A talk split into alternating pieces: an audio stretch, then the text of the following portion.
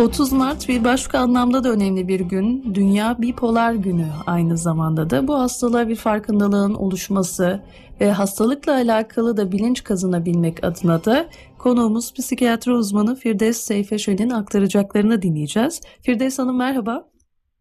Merhaba Büşra Hanım, nasılsınız? Teşekkür ederiz Firdevs Hanım. Umarım sizler de iyisinizdir. Çok önemli bir konu üzerine bizimle birliktesiniz. Evet, bugün Dünya Bipolar Günü. Bugünün e, anlamı böyle bir gün olmasının nedeni özellikle tüm dünyada bipolar bozuklukla ilgili e, insanlarda bir farkındalık oluşturmak, hastaların e, kendilerini daha iyi anlamalarını sağlamak. Bunun için de güzel bir bahar günü seçilmiş. E, hı hı. Özellikle e, kendisinin de bipolar olduğu düşünülen Van Gogh'un doğum günü 30 Mart aynı zamanda. O yüzden de bugün biraz onun da anısına böyle bir gün var. Onun eserlerinin üzerinden de değerlendirmeler yapılıyor değil mi? Aradan yıllar geçse de evet, e, hala ne evet. anlatmak istediğine dair de bu hastalıkla ilgili de bir mesajlar alabilmek için eserlerine başvuruluyor. Şimdi duygusal ve davranışsal iniş çıkışlardan bahsediliyor bir polardan bahsederken. Bununla ilgili bir e, rahatsızlığı taşıyan bir e, hasta nelerle karşılaşıyor? Tanıyı nasıl koyarsınız? Teşhisinde nasıl metot izliyorsunuz? Yine tedavi noktası elbette en önemli kısmı. Ee, şöyle bipolarda e, şeyi bazen çok e, kolay bipolar tanısı koyabiliyoruz. Hepimizin insanız ve duygusal iniş çıkışları oluyor aslında. Bazen kendimizi hüzünlü hissettiğimiz, bazen de cidden neşeli hissettiğimiz zamanlar olur. İşte bazen bizi karşıdan bir arkadaşımız görür ve ne oldu ya işte Karadeniz'de gemilerin mi battı der. Ya da aa bugün ne kadar neşelisin böyle parlıyorsun gibi cümleler kullanır. Hı hı. Bu hepimizin yaşadığı bir şey. Ee, bu durumu bipolar hastaları nasıl yaşıyor? Gerçekten uçlarda yaşıyor.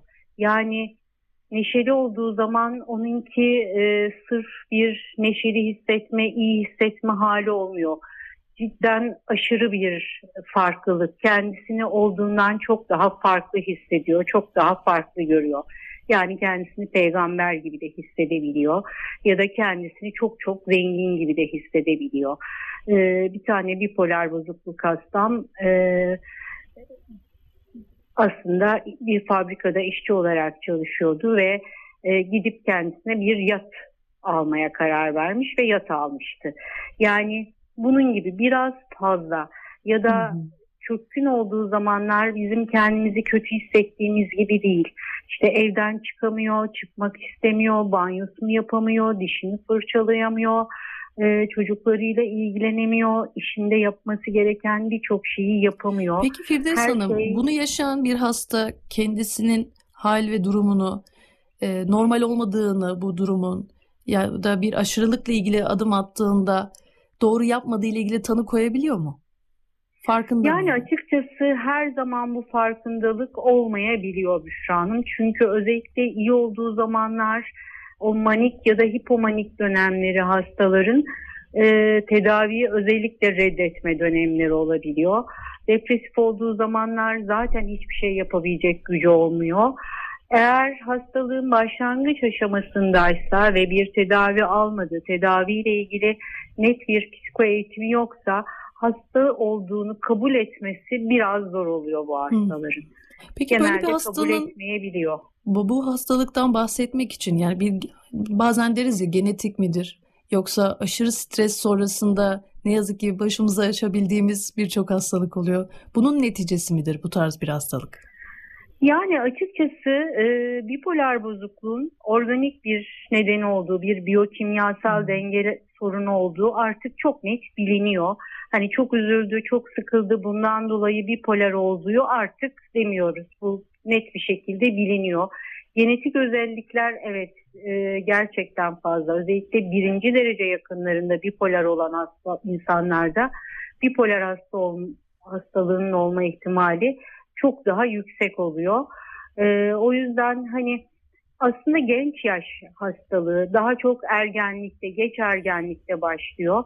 Hani çok yoğun bir streste değil, e, daha çok biyokimyasal anormalliklerle olan bir şey ortaya çıkıyor. Zaten çok geç yaşlarda da evet çok geç 40'lı yaşların sonunda da bipolar olabilir mi? Olabiliyor ama bu durumda daha bir ayrıntılı araştırma gerekiyor. Altında yatan başka nedenleri de düşünüyoruz ilk aşamada. Genellikle e, genç yaş hastalığı bipolar bozukluk. Görülme sıklığı peki çok yüksek mi? Yani bir de çok genç ee, yaştan bahsettiniz. Ergen diye de aslında karıştırılabilir bazı davranışları e, ona göre verilebilir ama tabii çok aşırı bir uçları dikkat çektiğiniz için e, yine de belki karıştırmak çok da kolay olmayabilir. Bilmiyorum ne düşünürsünüz? Aslında Büşra Hanım çok iyi bir noktaya değindiniz. Gerçekten de ergenlik döneminde genç yaşlarda başlaması ailelerin de bu hastalığı atlamalarına neden olabiliyor. Hmm. Bazen biz psikiyatristler bile zorlanabiliyoruz. Yani her zaman için çok yoğun bir e, semptomla gelmeyebiliyor karşımıza ya da aileler işte genç, ergen, zaten dengesiz, zaten bu olabilir deyip geçiştirebiliyor ve hastalığın tanı alması bazen bu, bu nedenle zorlaşabiliyor. E, yaygınlık gerçekten toplumda sık görülen bir durum ama e, özellikle ailede bipolar varsa daha da yoğun olarak karşımıza çıkıyor. Ailelerin bu konuda biraz dikkatli olmaları gerekiyor. Hele de ilk atak depresif bir ataksa bipolar tanısı daha da gecikebiliyor. O yüzden hani karışma ihtimali çok yüksek. Dikkat eksikliğiyle çok yoğun karışabilen bir durum e, ergenlik sorunlarıyla karışabilen bir durum. Yani e, davranış sorunlarıyla karışabilen bir durum aslında ayrıcı konuda çok dikkatli olmamız gereken hı hı. bir durum. Şimdi Firdevs Hanım bu konuyla ilgili biraz e, okuma yaparken dikkatimi çeken bir nokta vardı. Belki başka hastalıklar içerisinde de bu konu gündemdedir ama ben doğrusu ilk defa bu kadar her okuduğum bir yazıda damgalamaya vurgu e, çekildiğini görüyorum. Her yazıda istisnasız e, bu tarz bir rahatsızlığı olan vatandaşlara dönük üçüncü diğer vatandaşların e, sarf etmiş olduğu sözleri işaret eden o e, damgalama sözü gerçekten hem üzdü hem de bu kadar öne çıkarılmasının sebebini de size sormak istedim. Yani neden e, bu kadar e, ön plana çıkıyor? Gerçekten sizin de karşılaştığınız hastalarda da birinci şikayetler yoksa bu konu mu? Yani e, gerçekten de e, dikkatli bir okuyucusunuz. Damgalama psikiyatrik hastaları da çok yoğun olarak var. Özellikle bipolarda. Yani ne yazık ki e, birçok filmde, birçok işte gazete haberlerinde, basında, medyada bazen çok farkına varılmadan birçok şey hani sanki bu bir suçmuş gibi algılatılabiliyor. Yani bipoların damgalanması çok ciddi bir sıkıntı çünkü bu hastaların tedaviye başvurusunu geciktiriyor, kabullenmeyi geciktiriyor. Birçok şeyi erteliyor ve kişinin çok ciddi kayıplara uğramasına neden oluyor.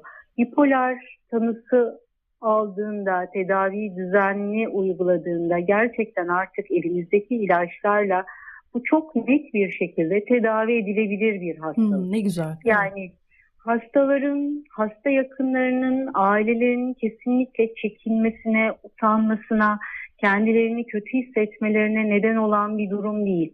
Düzenli bir tedaviyle günlük hayatını çok rahat bir şekilde sürdürebilen, işte doktorluğunu yapabilen, öğretmenliğini yapabilen, öğrenciliğinin bütün kurallarını yerine getirebilen, evlenebilen, çocuk sahibi olabilen, bütün bunlara izin verebilen bir rahatsızlık bipolar bozukluk.